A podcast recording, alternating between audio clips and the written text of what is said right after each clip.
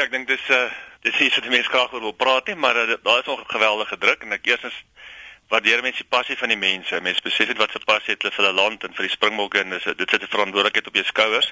Jy dra die drome van die hele land. Maar uh, ek moet sê die druk op my is uh, ek is nou al lank 'n professionele afrigter, maar mense vat dit maar persoonlik op die einde van die dag.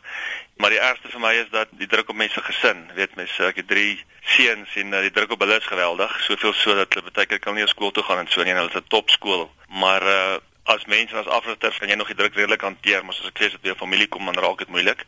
Maar weens is 'n groot voorreg om die sprongbokke af te rig. Ek het van die begin af sê ek is om te dien, dit gaan nie oor my nie. Ek het nooit gedink die druk gaan so erg wees nie. Ek was ook al betrokke by Nick Mallet en dit was hom ook erg, maar wat ek nooit besef het nie is die sosiale media. Daai tyd was er nie sosiale media nie en ek het vir my kinders gesê dat ek wil hulle uit die media uithou en ek het daai tyd gedink is net koerante. So ek moet sê ek hanteer dit redelik goed, maar dit is vir my regtig erg as ek my gesin sien en en hulle kry regtig swaar, so dan dan is dit nogal moeilik.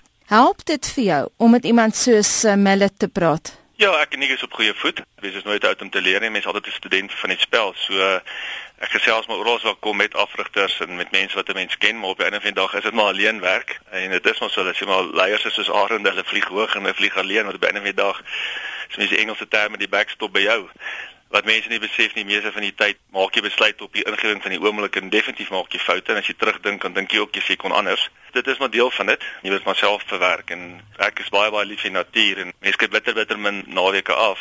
So uh, as ek 'n kans kry dan uh, is dit ongelooflik om in die natuur te wees om my kop skoon te kry. Is die kool die sous werd Ek dink dit is 'n ongelooflike voorreg. Dit sal altyd 'n voorreg wees. Ek was basies uit rugby en toe het SA rugby met my weer gepraat. So dit is altyd 'n voorreg wees en ek doen dit regtig omdat ek omgee vir mense. En ek dink wat 'n groot voorreg is jy werk met jong mense wat se oë blink en jy maak 'n verskil in hulle lewens. Mense wonder baie keer en dit klink nou snaaks as mense dit sê, maar uh, wat vir my ongelooflike voorreg gee is iemand soos Bakkies Botha, ek het hom afgerig van hy 20 is. Hy Hy sal self erken as maar rowwe diamant en op die einde van sy loopbaan kon hulle die springbokke vir iemand te try gee vir die 2007 wêreldbeker wat 'n verskil in hulle lewens gemaak het. En baie van hulle het paas genooi en almal het na my toe gekom en sy try vir my gegee en gesê coach, jy het die grootste verskil in my lewe gemaak en as dit nie vir jou was nie sou ek nie hierdie tipe mens gewees het wat ek is nie. So dit maak dit moeite werd. Maar ek moet sê wat wat mense nie sien nie en asseblief ek maak nou redelik maar oop. Jy weet ek was die laaste 5, 6 jaar nie eendag by my vrou se verjaarsdag nie my seun is hoofseun by Affies en hulle het nou matriek afskeid. Ek mis dit. Ek mis verjaarsdae. Jy's jy's nooit by die huis nie. Dit is baie opofferinge, maar ek is baie lief vir my land en as ek 'n verskil kan maak, dan sien ek dit as 'n groot voorreg en uh, ek dink moet meer mense wees wat 'n verskil in, in lewens wil maak. Slaap jy goed? Nee, ek slaap glad nie. Ek dink is uh, ek slaap glad nie. Die moeilikste seker 2, 3 weke en mense sê in jou lewe en ek het al baie deur moeilike tye saam met my vrou gegaan. Maar die moeilikste 2, 3 weke seker in my lewe was nou toe ek die span moes sny na 31 toe. Ek dink die mense besef wat se voorreg en eer is dit vir die spelers om vir die Springbokke te speel nie en jy het emosies van spelers wat huil as jy vir hulle sê hulle is in die span en spelers wat nie in die span is nie wat ook huil en ouens wat opspring en so dis bitter bitter moeilik geweest om uh, om ons so 'n goeie band het en ek is altyd eerlik en regheid met hulle. Dit is bitter moeilik geweest om vir elke speler te sê die rede hoekom ek afrig is om vir mense se drome te laat waar word. En die volgende oomblik vat jy hulle drome van al weg en hulle het net so hard gewerk, hulle is net so goed en hulle kan net so wel speel.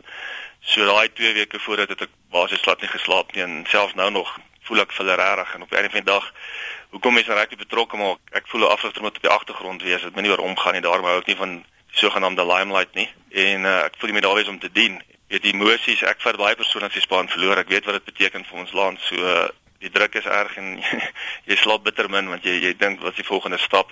Jy kan nie nou verloor as jy maandag instap en jy is nie gemotiveerd nie. Die, die spelers in die kleedkamer letterlik huil na 'n wedstryd. Hulle hang. Jy as afrigter is baie te deursteld nie, maar jy moet hulle weer opkry maandag. So jy slaap nie, jy dink wat jy moet doen. Wat mense regtig hoop gee is, mense kry baie kritiek veral in sosiale media, maar ek moet sê en ek wil regtig vir die luisteraars dankie sê. Die mense op die straat, die normale persoon wat mense ontmoet, is ongelooflik. Jy weet, ek kom net weer van die oefening af honderde klein kinders wat wil hê ons hulle teken gesiggies wat ophelder as hulle springbokke sien. Oral waar ek gaan in Suid-Afrika maak nie saak in watter stad nie. Dra die mense jou reg op jou hande en mense wat ek nie eens ken nie kom by jou en sê hulle bid vir jou en dit is 'n ongelooflike voorreg en um, dit maak dit regtig moeite werd. Maar aan die ander kant wat is die ergste ding wat nog ooit vir jou gesê is of oor jou gesê is wat jy persoonlik gevat het? Ek geen ons mense sê ek is swak afritter en goed nie dis 'n mening maar as hulle jou persoonlik aanvat en van rasisme beskuldig of Ek het al die kerk ingestap en sê hulle wat soek hier, dog jy's 'n anti-kris.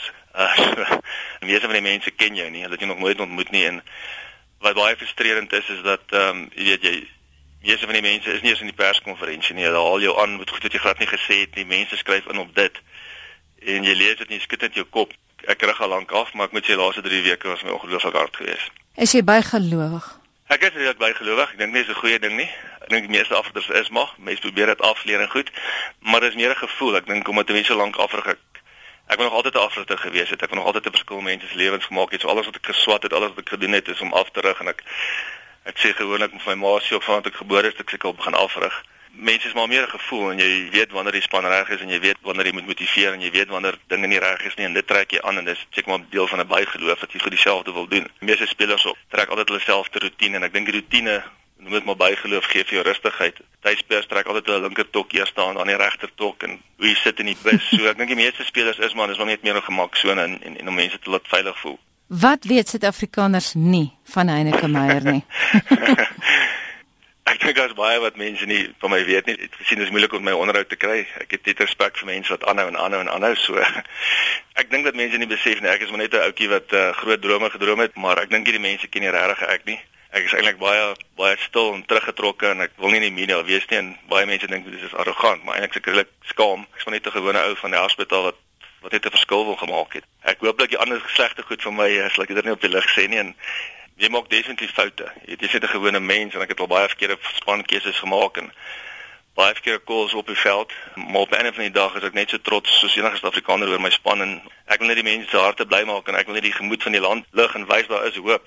Maar 'n mens maak foute en jy maak baie foute en as jy terugdink, kan jy glo jy het 'n belangrike besluite geneem nie. Jy kom nooit weg van die rugby af nie. Jy weet as jy na 'n restaurant toe gaan, die mense is ongelooflik passievol as jy gaan fliek as jy net wil ontspan jy sit die TV aan dan sal een of ander iemand wat kritiseer as jy net die koerant wil lees so maak jy saak waar jy gaan nie.